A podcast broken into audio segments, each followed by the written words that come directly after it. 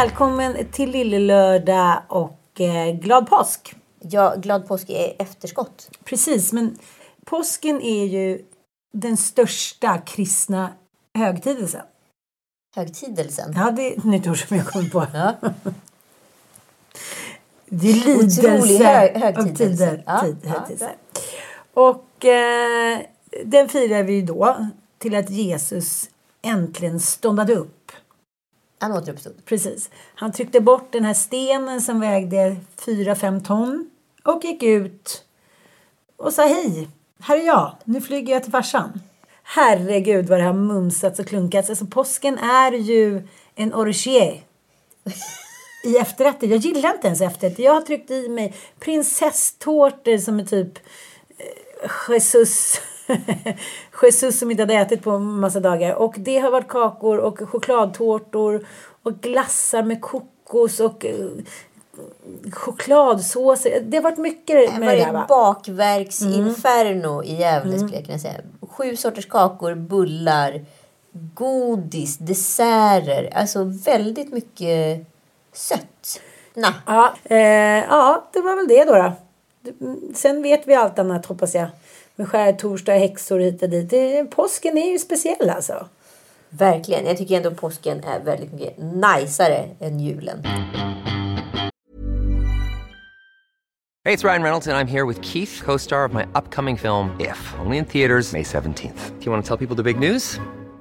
All right, I'll do it. Sign up now and you'll get unlimited for $15 a month in six months of Paramount Plus Essential Plan on us. Mintmobile.com slash switch. Upfront payment of $45 equivalent to $15 per month. Unlimited over 40 gigabytes per month. Face lower speeds. Videos at 480p. Active Mint customers by 531.24 get six months of Paramount Plus Essential Plan. Auto renews after six months. Offer ends May 31st, 2024. Separate Paramount Plus registration required. Terms and conditions apply if rated PG. There's never been a faster or easier way to start your weight loss journey than with PlushCare. PlushCare accepts most insurance plans and gives you online access to board-certified physicians who can prescribe FDA-approved weight loss medications like Wigovi and Zepbound for those who qualify.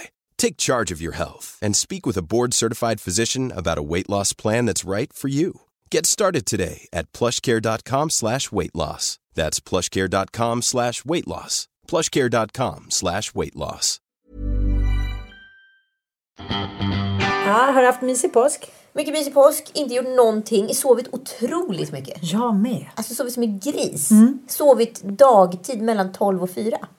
Två gånger. Gud, tanta Loran Ja. kom tillbaka från För Svarteberget. att sen gå ner och lägga mig för kvällen klockan 23. Och sova Jaha. till typ 8 dagen efter. Åh, Gud vad skönt. Jag tror Nej, jag var kanske lite kanske inte. Utbränd. utbränd.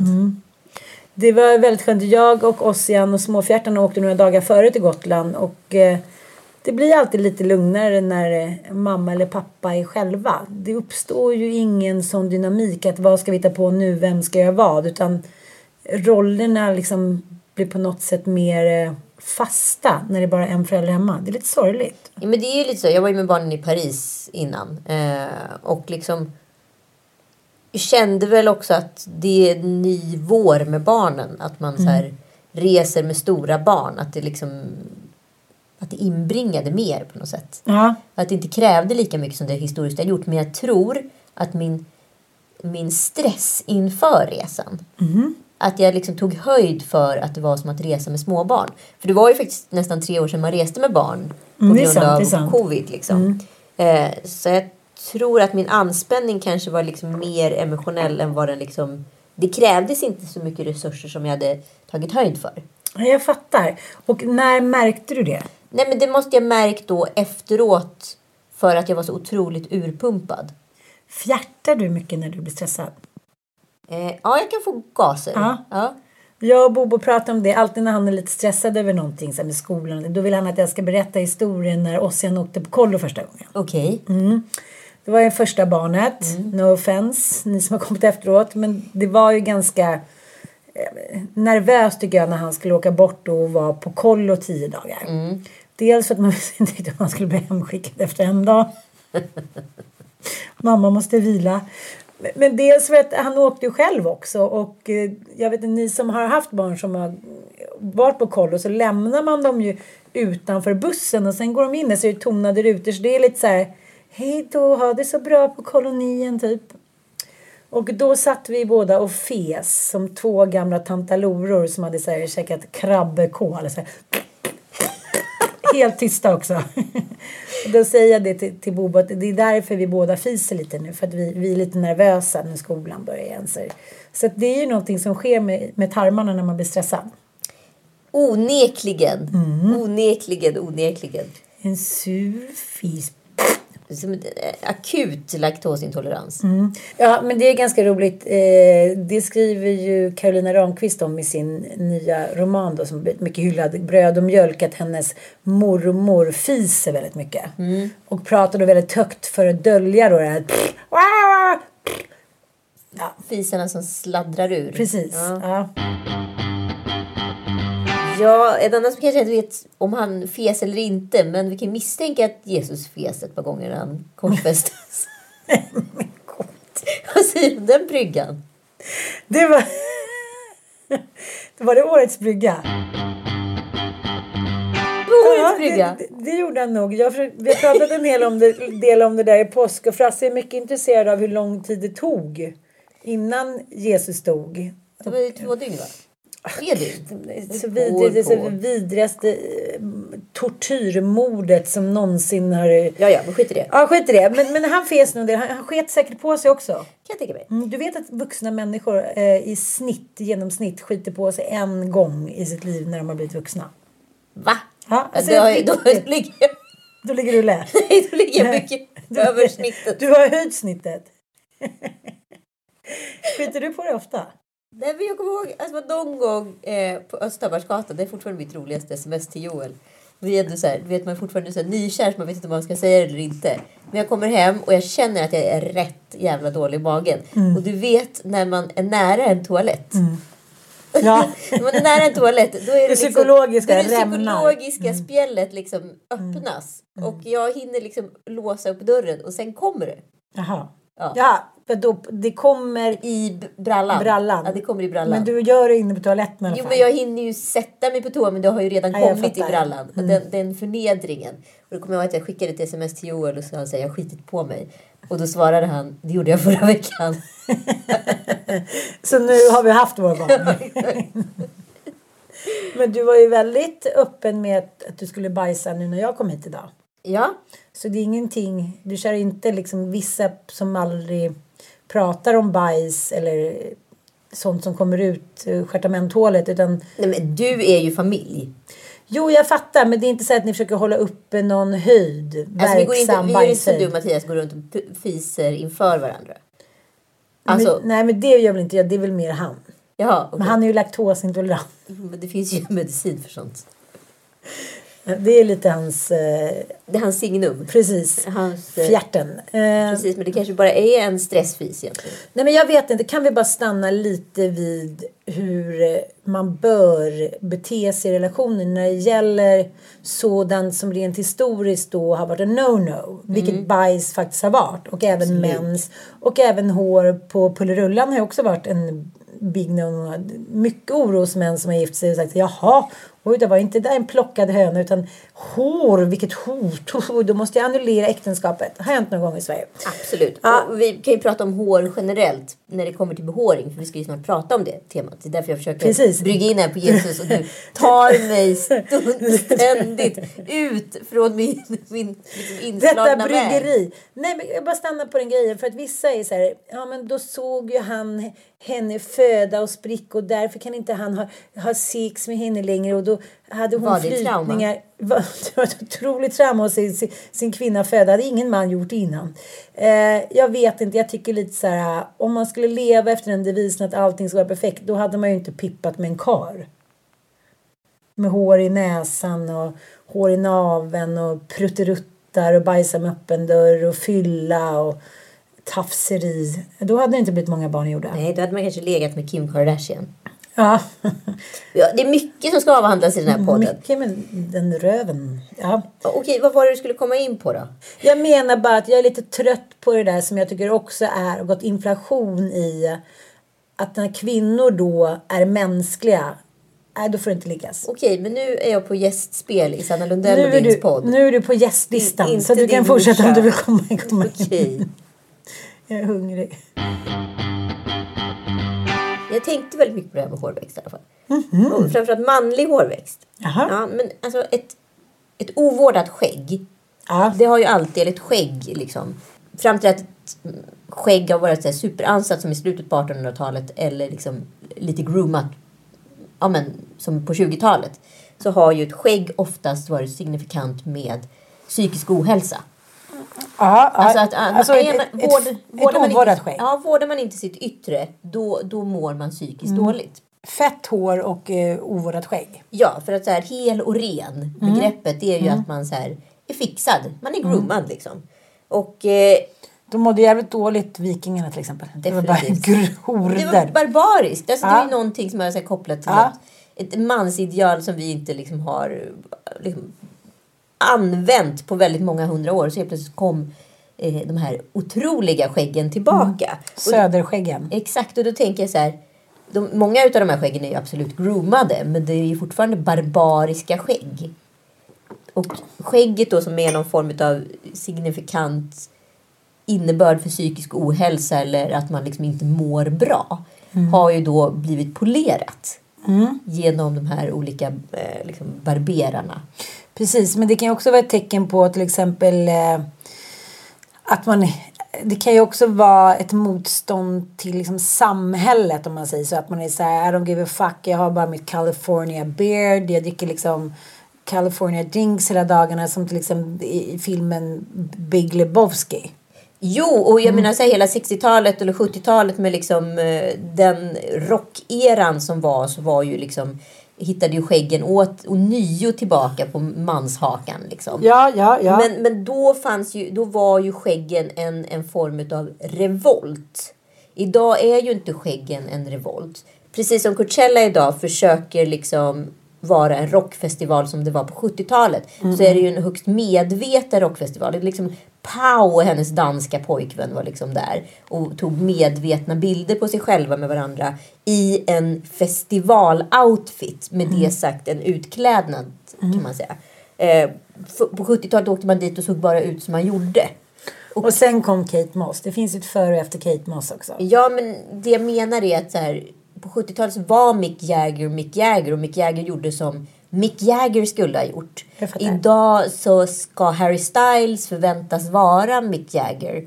Men är inte det och är alldeles för liksom pojkspolig och eh, boyband-tvättad för att kunna bryta ut i någon vansinnig eh, höftdans och stå i extas och skaka på scenen.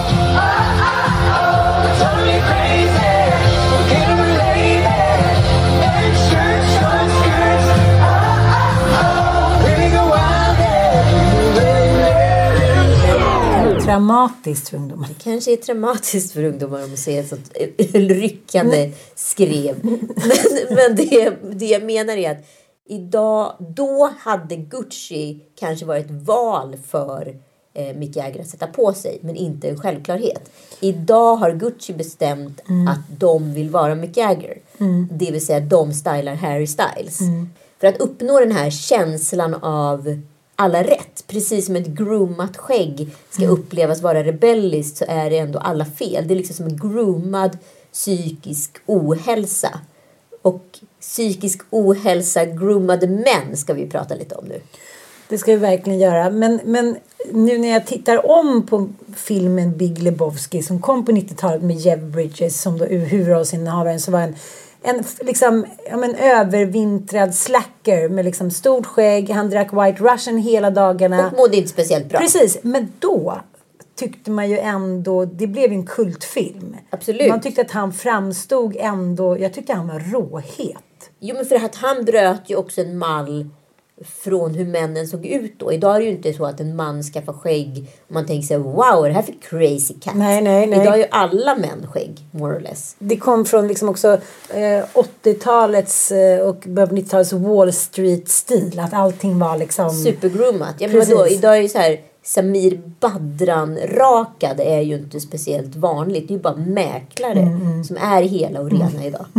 Och Elon. Eh, min son, han har ju inget hår överhuvudtaget på bröstet och inte Ossian heller. Nej. Så jag har ju hela tiden trott att de har rakat bort det.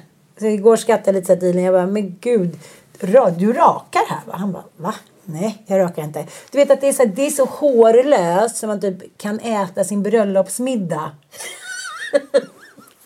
Okej. Är- Quote me. Men jag tänker, The Big, Big Lebowski framstod ju som en, liksom, eh, vad ska man säga, en, en liten nagel i ögat på just den kulturen som hade varit. Hiv kom, allting skulle vara renrakat och alla var rädda för aids. Det var liksom moralpanikångest.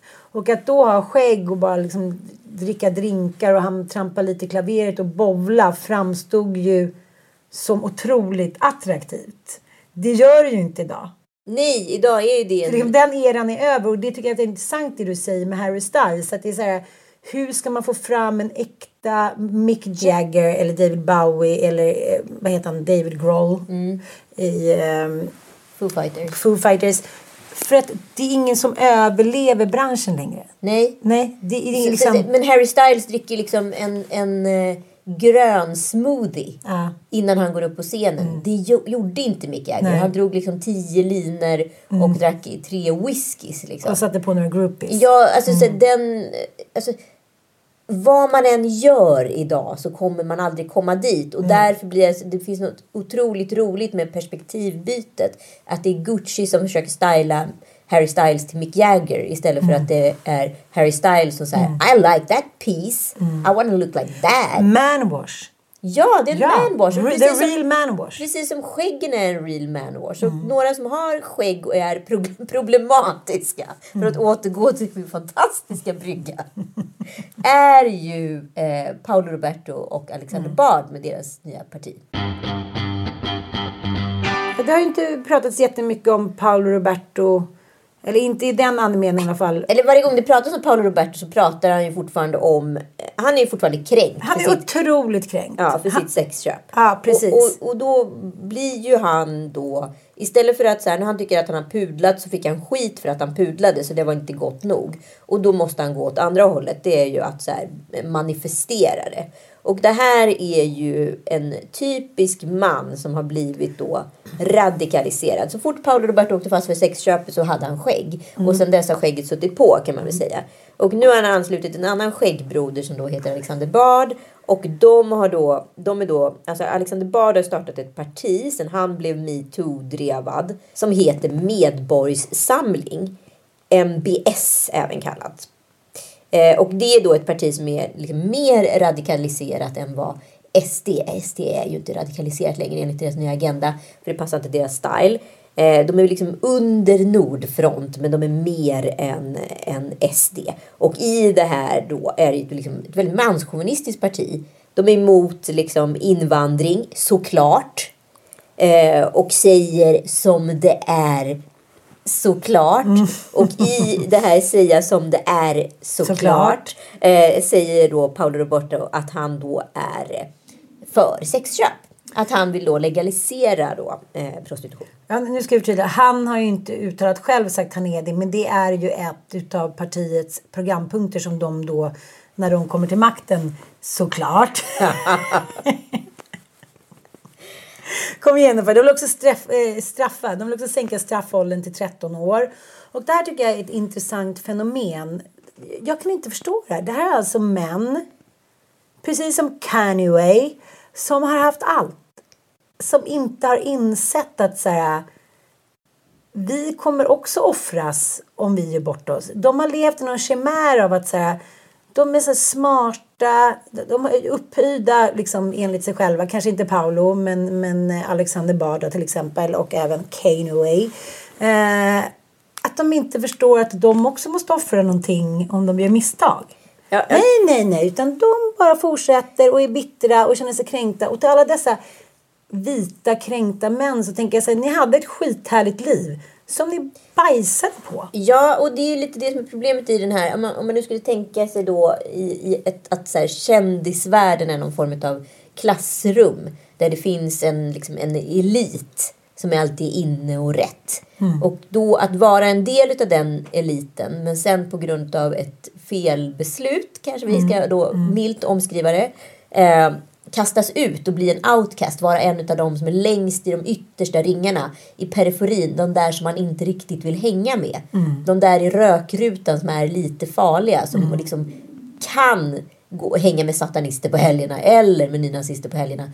Men också kan vara en del av ens klass. Man vill inte riktigt ta ansvar för att man känner dem. Det, från mitten till liksom längst ut. Det är, en, det är en ganska stor klassresa i ett klassrum. Och det är samma typ av klassresa så här Alexander Bard och Paolo Roberto tyvärr har gjort. Liksom.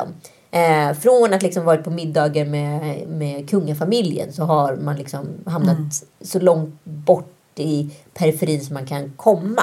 Och det, det, det här som är sorgligt, för det tycker jag är ett sånt klassiskt barnsligt beteende. Att det, så, här, så som barn beter sig. Så här, ja, då tänker inte jag vara med. Då vill inte jag äta. Då vill inte jag vara med på det här kalaset. Man säger nej, men var inte det då. Men jag kommer ihåg, jag kommer ihåg en så här klassisk grej som eh, jag tror en intervju med Clark Olofsson när han var så här. Ja, om jag inte kan vara bäst bland de värsta, då ska jag vara värst bland de värsta. Precis, men, men grejen nu pratar vi om ändå så här 70-tals eh, brottslingar som så här, satt med typ en heroinkanyl i armen, satt på plattan, liksom sålde lite cigg. Det här är liksom välutbildade män. Jo, fast teorin är exakt samma. Kan jag inte vara bäst bland de bästa Ja. så kan jag vara värst bland de värsta.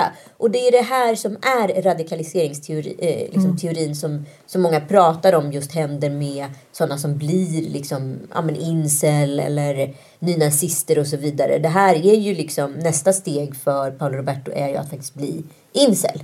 Ja, och det här, han var ju ganska snart efter sexköpet uppdagades eh, med i, eh, i en podd. Dagen efter dök han ju också upp såklart i TV4 och skulle så här, eh, fuckwasha sig själv. Det gick ju sådär. Men, men det är också det att de håller fast vid sina dogmer som är liksom uråldriga. Man bara säger, men ska vi bara lägga fram lite stenar vid dina fötter så kan du stena kvinnorna när är på väg. Det, det är liksom anmärkningsvärt. Jag kommer ihåg vad han sa. Vi ska höra vad han sa i podden. Ja, men tjejen då? Tjejen då? Tjejen då?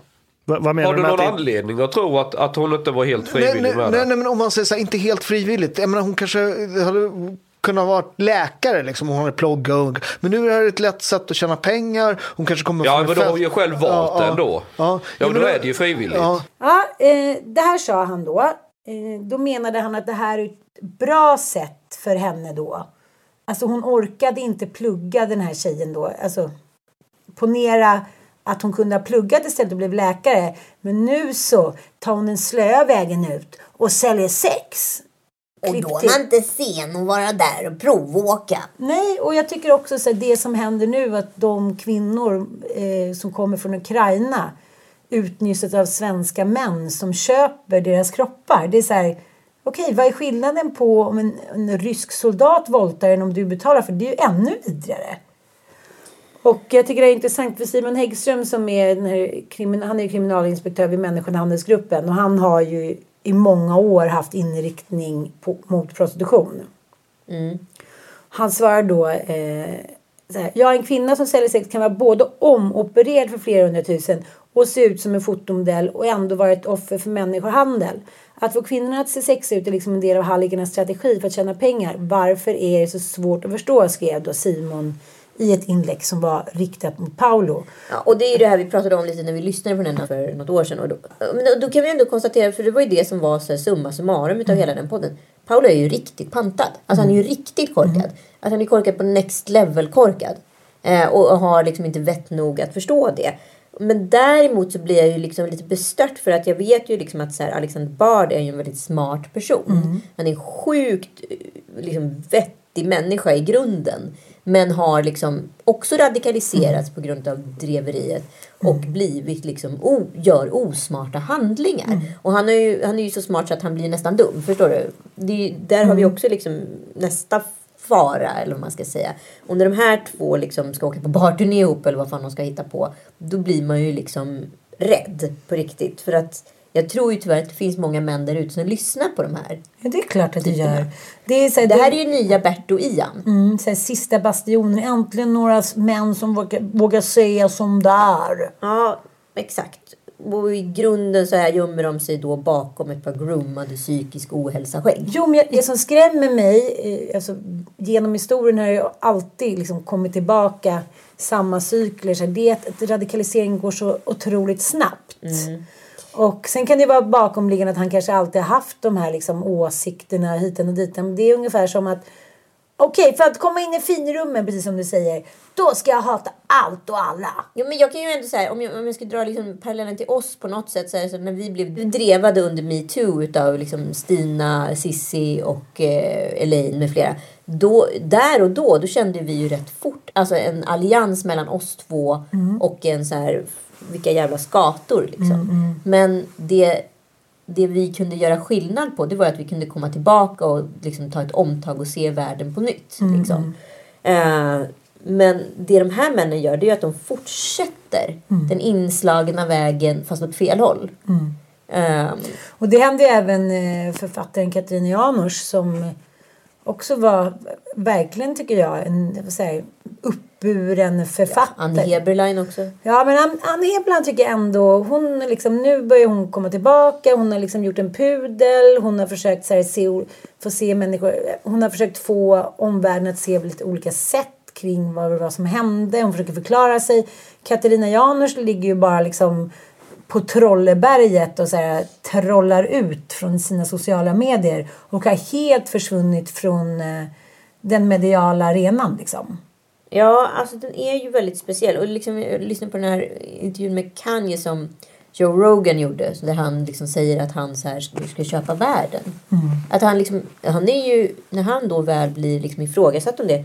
Då blir ju han så arg på Joe Rogan så att han liksom han förstår ju inte heller. Han är också helt radikaliserad. Fast i sin egen ihopsnurrade verklighet. Vi ska lyssna lite. How much does the earth cost? I'm gonna buy the entire earth and be king. Hmm.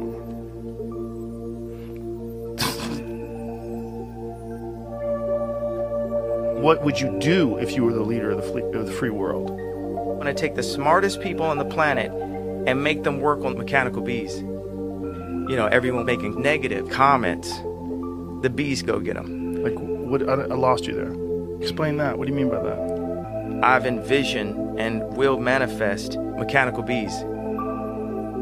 So my question is, what is wrong with you? Things you're saying are crazy. Are you serving man? Are you serving the, the one and only master? Who? Me. What can you give me? What can you do for me? I think it's crazy. What is wrong with you? Jag, jag, vet inte riktigt vad jag vill komma med det här. Jag vill bara liksom belysa att det är en ny tendens. Att, att eh, män i brist på respekt, kan man säga så, eh, har valt att radikalisera sig själva. Och bli så maktfullkomliga att de har nästan blivit galna. Jag tycker också att det framställs, de framställer sig själva som offer som har haft otur. Ja. Istället för att säga ja, det är jättemånga tusen män varje år i Sverige som går till prostituerade. Eh, Jag var en av dem. Vi måste försöka ändra det här samhällsklimatet. Vi måste prata med våra söner, bla bla, bla. Så håller de fast vid den där lilla krampande facklan att säga men det alla andra gör också ju. Och nu kom ni på mig och då, då är ni taskiga och dumma. Det här är ju såklart en- liksom, enligt den klassiska psykologin en copingstrategi. Att man hamnar liksom, eh, istället för att hamna i en vuxenroll så hamnar man I barndom. i barndom. Ja. Och det är, det är ju det som också är problemet i många relationer. Ja, men det är också den här orimliga kränktheten. Det är, det, det är dit vi måste nå någonstans. För vi ser ju det åt andra hållet i kvinnovärlden också. Och när de här två spåren bara kör förbi varandra och inte kommunicerar varandra. Då håller vi på att skapa, tror jag, en riktigt farlig verklighet för unga kvinnor och män. Hey, I'm Ryan Reynolds. Recently, I asked Mint Mobile's legal team if big wireless companies are allowed to raise prices due to inflation. They said yes. And then when I asked if raising prices technically violates those onerous two year contracts, they said, What the f are you talking about, you insane Hollywood ass? So to recap, we're cutting the price of Mint Unlimited from $30 a month to just $15 a month. Give it a try at mintmobile.com slash switch. $45 upfront for three months plus taxes and fees. Promo rate for new customers for limited time. Unlimited more than 40 gigabytes per month. Slows. Full terms at mintmobile.com. Hey, it's Ryan Reynolds, and I'm here with Keith, co-star of my upcoming film, If, only in theaters May 17th. Do you want to tell people the big news? All right, I'll do. it. Sign up now and you'll get unlimited for $15 a month and six months of Paramount Plus Essential Plan on us. Mintmobile.com slash switch. Upfront payment of $45 equivalent to $15 per month. Unlimited over 40 gigabytes per month. Face lower speeds. Videos at 480p. Active Mint customers by 531.24 get six months of Paramount Plus Essential Plan. Auto renews after six months. Offer ends May 31st, 2024. Separate Paramount Plus registration required. Terms and conditions apply if rated PG. Man kan ju också använda eh, epitetet den vita lättkränkta kvinnan. Absolut. Som dyker upp lite överallt. Och den vita lättkränkta kvinnan har i alla fall fått min uppmärksamhet i helgen i, i vad heter det, GP. var det en stor artikel eh, om kvinnor då som upplever sig blivit förföljda och förminskade på gym. Vi ska läsa två case från den här eh, artikel, artikeln i eh, Göteborgs-Posten. Precis. Och det här är då eh, första historien är från Johanna Jansson, 34. Eh, Jag vill bara un understryka i de bleka minnena av metoo också att så här, det här är ingen raljans gentemot kvinnor.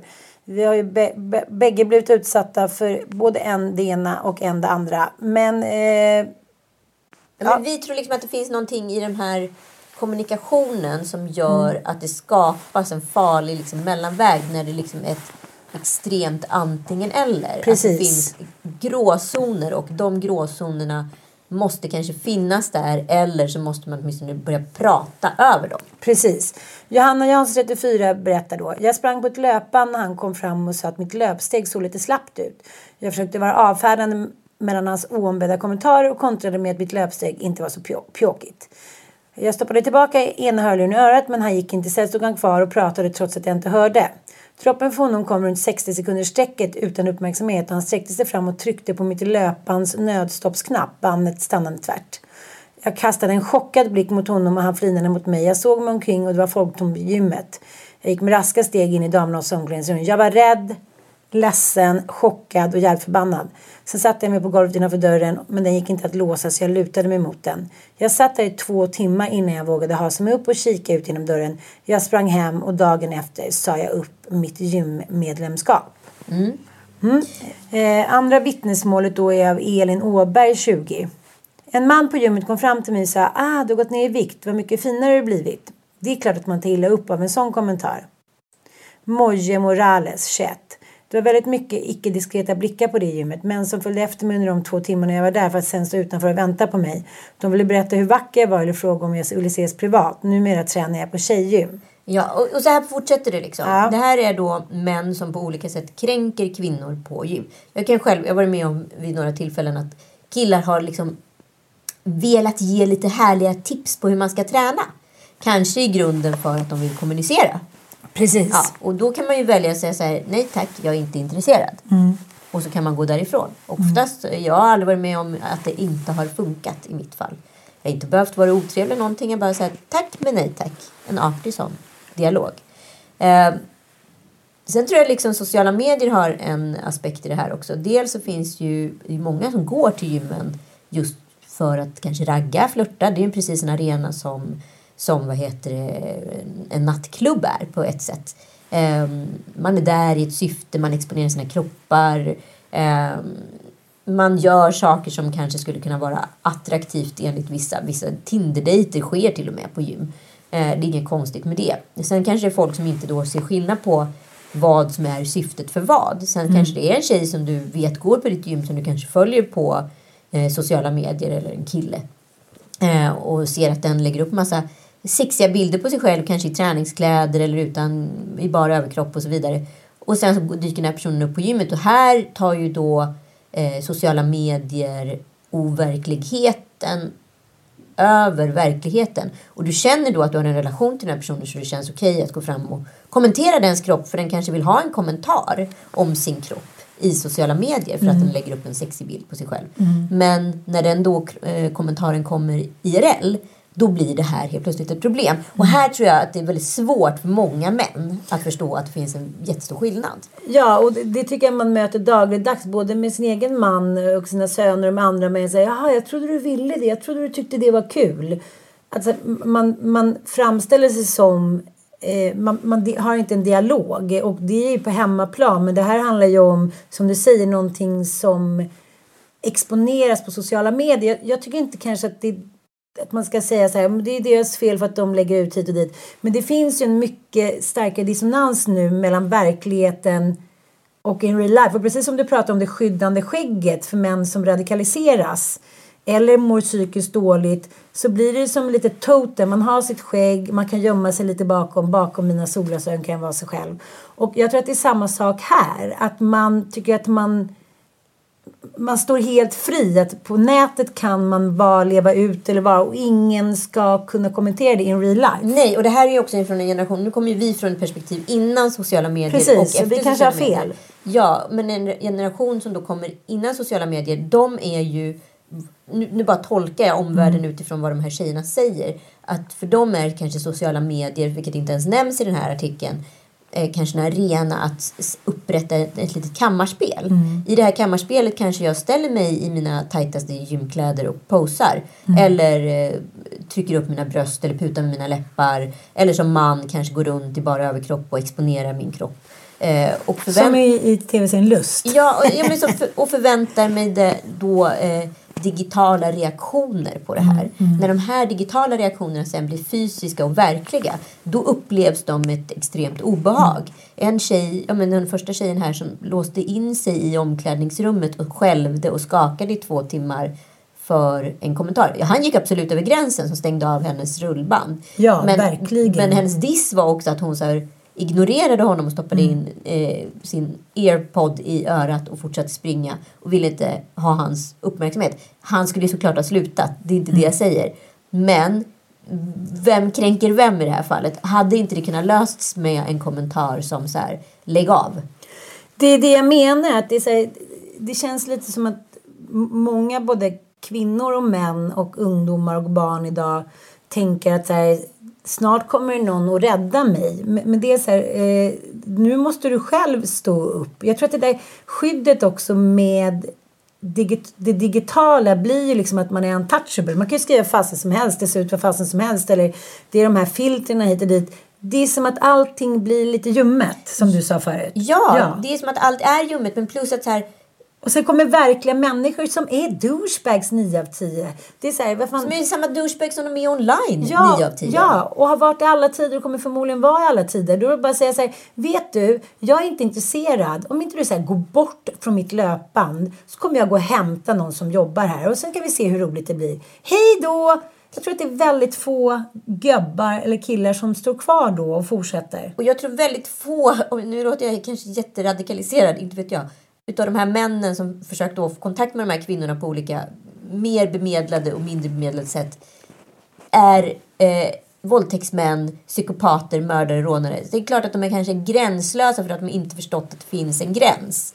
Och här måste ju kvinnor och män börja prata med varandra. Istället för att man ska bli en Pauloman Ja, eller för att man ska bli en så superlätt kränkt vit kvinna som är så känslig för verkligheten att hon är traumatiserad så att hon bryter ihop på ett gym. Och det här liksom måste gå ut i en artikel i GP och prata om det här fruktansvärda hon har varit med om. Jag tycker att så här, jag, jag, jag är så förvirrad utav de här två liksom, generationerna som jag står mitt emellan och inte på något sätt lyckas förstå någon utav dem. Jag är liksom tio år yngre än Paolo Roberto och jag är 15 år äldre än de här tjejerna. Och jag, jag, jag, så här, jag, jag har så svårt här att navigera. Förstår du vad jag känner? Ja, men jag fattar. Men, men jag tänker så här, det är samma sak om du ska ta David Eberhardt. Nu har inte jag några höga tankar om honom längre. Men han har ju skrivit mycket om det här, om lättkränkta ungdomar. Att liksom, ja men allting sopas framför. Liksom man vaknar...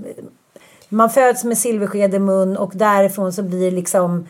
Ja, men inom buddhismen så är ju livet ett enda liksom, långt lidande som man bara får anpassa sig efter och så här, tuffa till sig lite. Eh, men, men den här nya generationen, både kvinnor och män, har ju inte fått vara med om att tuffa till sig. Så Nej, motsättningen finns inte. Precis. Så är istället det vi så här, okej. förra veckan med den, o, alltså den för bra anknutna Mm. personen. Vad är dens liksom, sorger, verklighet och så vidare.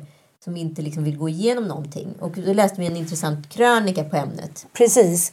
Av Klara Li Lundberg då. Hon, För ETC. Precis. Och eh, hon pratar om det.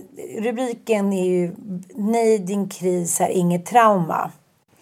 Och eh, nej, bland annat så tar hon ju upp då eh, Aftonbladets granskning om dödade kvinnor av eh, Kristina Edblom och Kerstin Wigel. Och eh, där intervjuar man ju då barn som har sett sina eh, mammor bli mördade, ofta av då sin pappa. Eller en... Och hon menar då att eh, det som att hon beskriver ordet trauma betyder skada. Ett psykiskt trauma är ofta ett resultat av en chockartad och smärtsam upplevelse som skapar så mycket stress och överväldigande känslor att de blir svåra att hantera. Och det står också, hon beskriver också att inom psykologin så är man återhållsam med användandet av ordet trauma. Man skriver istället då att det är en potentiellt traumatisk händelse. Eh, eftersom det inte alls är självklart att den som upplevt ett upprivande och en allvarlig händelse utvecklar ett trauma. Och det låter ju jävligt rimligt som hon skriver. Och så tar hon upp lite olika händelser i sitt eget liv som man ofta eh, känner igen. Bland annat så här, ja, men hon har varit ätstörd som liksom många av Sveriges kvinnor. Och det var fan inte kul liksom. Men var det ett trauma? Svar nej. Min kolloledare som var 30 plus pussade mig en gång när jag var 15. När jag varit hemligt kär i honom i tre år. Det var givetvis, givetvis helt fel gjort av honom. Men det som gjorde mest ont var att han utsatte mig för silent treatment eftersom han skämdes så mycket. Men var det ett trauma? Svar nej. Hon beskriver också vår familjevän, tillika en fembarnsmamma, dog i cancer och sen så var hon då på begravningen som var hemma hos dem och det var ju otroligt smärtsamt och kanske inte så kanske bra för en ung tjej att se men var det ett trauma? Svar nej liksom och det är väl det att du och jag sitter inte heller här och är några domar över vad man upplever som ett trauma. Nej, för det Men- Paolo Roberto också upplevt, det är inte heller ett trauma. Han har åkt fast han har gjort fel. Precis. och det är inte där vi har hela pudens kärna när vi kokar ner den här traumasoppan till en, en liten mindre soppa är väl att det är väldigt svårt för människor idag kanske har varit alla tider men ännu svårare idag kanske på grund av sociala medier där man kan sitta och söndra och härska bäst fan man vill utan att någon kan säga emot den Det är det. det är in real life. oemotsagda som sker idag i samhället. Eh, precis som Paolo gör i en podd eller på Twitter. Precis som de här tjejerna som då har gått med i den här artikelserien på, på eh, GP gör. Att, att så här, man är oemotsagd i sin egen historia. Vi vet inte heller hur scenariot ser ut från andra sidan. Vi, vi, ser inte hela bilden. Men att man hela tiden kan sända och äga sin egen historia. Det har funnits många vinster i det såklart. Och eh, det är ju en stor del utav metoo-rörelsen också att så här, med ens egen upplevelse utav en situation. Det är den upplevelsen som är viktig liksom. Absolut, absolut. Och det säger jag ingenting om. Men jag tycker att det är sant som hon Klara skriver. Att så här, om vi använder så starka ord Eh, till en, en upplevelse som faktiskt är en jobbig upplevelse men inte ett trauma. Hur ska då till exempel krigsflyktingar eller människor som har blivit utsatta för våldtäkt eller liknande. Vad ska de eh, använda då för uttryck? Ja, det var en jobbig upplevelse. Jag tänker så här, det är bara ett ord och det kan jag själv vara med om när man kanske bråkar med den man älskar. Men jag menar ju inte, det var bara ett ord och hit och dit. Men, men det betyder ju någonting. Ja, men alla superlativ åt alla håll, Mm. alltså extrema, alltså det, det yttersta, används. Det var magiskt, det var Mm. ett trauma. Jag älskar... Alltså, då, då utvattnas ju innebörden. Så det betyder också att helt plötsligt omedvetet så marginaliseras då brottsofferhistorier Mm. som faktiskt är trauman till någonting som kunde vara en rädsla. Jo, men det blir liksom, det blir så här Harry Styles-syndromet också. Att så här, okej, det kanske inte är så mycket mer än fisljummet, men skit i det nu. Nu bara kör vi superlativen så förstår alla hur himla himla kul det var på den där 40-årsfesten. Fast det kanske inte var så Det var ingen som kollade för alla hade bara uppe sina telefoner. Precis, det kanske var liksom bara ett skådespel och det är kanske det vi saknar. Riktiga, äkta känslor. Och nu menar inte jag så här 1600-1700-talet. så här, Det är duell! Du tittade på min fru. Det är duell! Du pruttade på min eh, tå. Alltså, det är inte så jag menar. Men man måste också använda uttryck och ord för vad det är. Ja. Jag tänker så när du och jag växte upp. Jag menar, det, det kanske var lite snålt tilltaget emellanåt med med kärleksuttrycken och man fick så här, klara sig bäst man ville emellanåt. Men, men finns det en grundtrygghet och en kärlek så känner man sig ju inte så jäkla utsatt. Och det är det jag undrar, så här, känner inte dagens ungdomar de kan inte känna någon riktig trygghet i botten för de har kanske ingen riktig trygghet i sig själva för de vet inte vilka de själva är. Nej, men jag tänker snarare att så här, det finns för lite motsättningar så då måste man skapa motsättningar precis som man gör med Harry Styles. Att så här, helt plötsligt så ska man tillskriva sig traumat istället för att man faktiskt har det. Alltså, det här är verkligen inte för att marginalisera, jag bara teoretiserar om, om så här, va- varför är Förlåt. Jag, jag hade den där diskussionen liksom med en ung tjej. Hon hade varit med om en taxichaufför som hade tittat hemskt. Hon hade varit oerhört, liksom, som hon uttryckte, traumatiserad över det här. Och jag satt liksom själv och bet mig i tungan när jag i samma ålder hade blivit misshand- brutalt misshandlad av en taxichaufför i Paris. Med det sagt så betyder det inte att min historia är bättre eller sämre eller starkare eller svagare än henne. Men vem som förtjänade traumat mest, om vi nu ska prata om någon sån teori, det vet jag inte. Nej, jag förstår och jag tänker också att världen har blivit annorlunda. Så att i, i eh, paritet till hur det var för kvinnor då så kanske det här är traumabetingat för en kvinna eller en ung man. Liksom. Så att det är ju det tiderna förändras. Och, Jo, men det eh, finns ju någonting med vår västvärlds liksom sekulariserade, liksom, utåtagerande skörhet som gör att vi så här, tillskriver oss större företeelser än vad vi kanske borde. När, när, när, liksom, när det är så jävla lätt att leva. Men jag tror också att det är mycket det det handlar om. Att individen idag, som unga tjejer, mår så skit, skit, skitdåligt och kvinnor också. Sämre än någonsin, fast vi har det bättre än någonsin. Det handlar mycket om det som vi har pratat om förut också. Att förut kunde man ta stöd i kollektivet eller i Gud eller i någon liksom buddhistisk tanke på att ja, det är mest lidande. Nu ska allt i livet vara tippeli tippeli tappen från sekund ett tills man dör. Och det återkommer till det min sjuåring Bobo kan vara så här, det är tråkigt. Man bara, ja, hur trodde du att det skulle vara att gå i skolan då som var på Leos lekland? Sorry, but this is reality om du vill överleva där ute i, in the jungle typ. Så att jag, vi har ju också skapat Vi har skapat ett Vi har paradis. skapat monster. Men vi är ju i paradiset. monster i paradiset. Ja, men vi är i paradiset Mm. och nu blev vi uttråkade. Jag tänkte så mycket på... Min dotter är helt besatt utav The Kardashians. Eh, och liksom älskar allt från... Eh, men hon är helt besatt utav eh, av de här, den här serien med allt vad som inramas runt den. Nu är det ju liksom nästa generation då, för man var ju så hur ska Kardashians uppleva, upp, överleva? Men nu har ju barnen då hittat till TikTok och de är ju jätteduktiga på att jobba med TikTok, Kardashians, så att de kommer att överleva. Hittepå-familjen Ja, alltså. och det är en hittepåfamilj för att det jag tänkte på när hon pratade om alla de här personligheterna och deras attribut. Ja men Stormy är så här, ja men North är så här, ja men eh, Kylie är så här och det här är Kendall. Alltså hon pratar om dem som att de är Barbie-dockor. Precis som jag pratade om Barbie när jag var liten och hade Barbie-dockor. Att det fanns olika, att man hade olika eh, personligheter även om det var manusskrivna som var så här, Barbie är det här, det här är hennes personlighet och hon gillar det här. Och det här är Skipper, det här är hennes personlighet. Vad heter den andra barnet? Eh, Kitty väl? Ja, men, ja och, och så håller de på, så man, man, liksom, man skrev in olika personligheter på de här dockorna och så lekte man liksom med dem. Och så levde de i Los Angeles och det var det här hittepå-livet. De hade massa lyxiga grejer som man inte ens trodde fanns på riktigt. Det som har skett är ju att Kardashians är nya Barbie. Men det är på riktigt. Och att det är riktiga ord och inte en, ett manus och inte en replik. Det spelar egentligen ingen roll. Det, inramningen är detsamma. Så det overkliga har blivit verkligt och det verkliga har blivit overkligt. Förstår du? Precis det som hände på gymmet. Jag fattar vad du menar. Och det är svårt att orientera sig. Men jag tänker till exempel om, om, om vi läser Bibeln då. Om ska återkomma till eh, Jesus.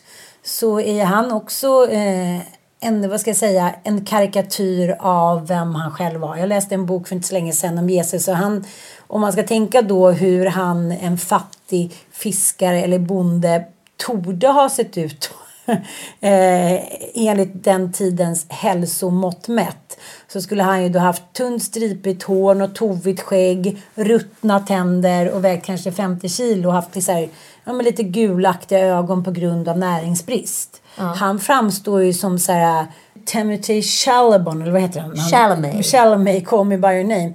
Som, han har ju alltid framställts som den vackraste mannen som någonsin har gått ett par skor. Så att jag tänker att skillnaden är väl att idag finns det så, alltså att det är verkliga människor och det kan vi inte förstå. Vi, får, vi regisserar någonting som egentligen är en saga och tillskriver dem det som vi själva tycker att de ska vara. Ja. Jävligt intressant, eller hur? Men det är bara, det är, vi, pratar, vi har varit inne på det flera gånger. Jag, jag, jag känner ju mer vi är på det, desto mer kan jag så befästa att det faktiskt sker. Att det verkliga är overkligt och det overkliga har blivit verkligt. Och jag undrar hur man, om någonsin kommer byta plats igen. Eller om Nej. det ens spelar roll. Jag fattar vad du menar. Men, men då kommer ju vi aldrig komma till bukt, tror jag, med den psykiska ohälsan. För det som jag tänkte nu när min, min äldsta kompis, eller som jag har hängt mest med i mitt liv, hon fyllde ju 50 nu i helgen. Otroligt eh, känslomässigt alltså. Mycket gråt och liksom känslor, kolla på gamla bilder och allt man har gått igenom och inte gått igenom. Och jag tänkte också, när hon flyttade till Göteborg när vi var dryga 20 så saknade jag henne mer och hade mer sorg än vad jag någonsin har gjort om jag blivit lämnad av en karaslok eller tvärtom. Ganska intressant just det med vänskap. Men då tänkte jag så här, när jag höll tal till henne så är det någonting som återkommer till mig hela tiden. Att så här, det spelar inte så stor roll vad som pågår. Hon lever i modebranschen. Hon liksom är där hela tiden. Men hon bara står fast. Hon är autentisk. Hon är den hon är. Och hon ruckar inte på det för det är inte hennes grej. Och de människorna som är sig själva till varje pris blir ju färre och färre. Ja. Så det finns ju inte så jävla många role models heller för unga tjejer. Nej, och det är det jag menar när jag ser så här Harry Styles stå där och försöka spela Mick Jagger. Att det gör så jävla ont i mig. Ja. När han liksom inte har kroppsspråket, han har inte explosiviteten, han har inte självförtroendet. Han skiter inte i allt. För att då kanske Gucci blir sur, eller så blir någon annan sur, eller så blir någon annan kränkt i sociala medier. Eller så är det någon som säger att han är fejk. Att det bara blir så jävla, jävla jobbigt. Ja, fast det är bara för dig. För, för din dotter till exempel, eller mina söner, de har ju aldrig sett Mick Jagger. Det här är ju det coolaste de har sett. Det här är ju en tuff rock'n'roll-snubbe 2022. Jag vet. Det blir så jävla tunt, det blir så blaskigt, urvattnat. Ljummet. platt. Fesljummet. Det är en fis i rymden. Och det är därför jag tror att många ungdomar känner så här, det är någonting som känns tomt inom mig. Varför är jag så tom? Det är för att allting har blivit en kopia av en kopia av en kopia och det håller inte. Nej, så vi vet inte längre om det är Kim Kardashian som är Barbie eller Barbie som är Kim Kardashian. Nej. Vem spelar den riktiga Barbie? Precis. Tack för att ni har lyssnat. Vi hörs om en vecka. Hälsningar från bryggexperten. Du ska ju få ett eget bryggeri. Ja. Anitas. Ale. Puss och kram, tack för att ni lyssnar.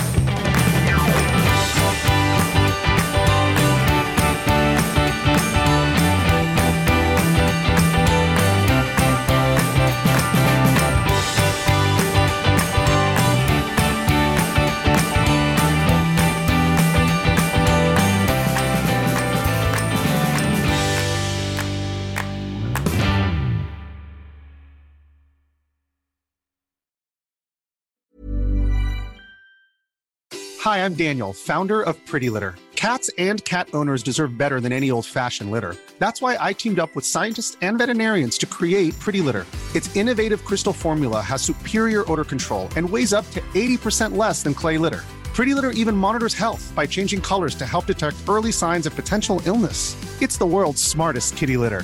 Go to prettylitter.com and use code ACAST for 20% off your first order and a free cat toy. Terms and conditions apply. See site for details. Imagine the softest sheets you've ever felt. Now imagine them getting even softer over time. That's what you'll feel with Bowl and Branch's organic cotton sheets. In a recent customer survey, 96% replied that Bowl and Branch sheets get softer with every wash. Start getting your best night's sleep in these sheets that get softer and softer for years to come. Try their sheets with a 30-night guarantee. Plus, get 15% off your first order at bowlandbranch.com. Code BUTTERY. Exclusions apply. See site for details.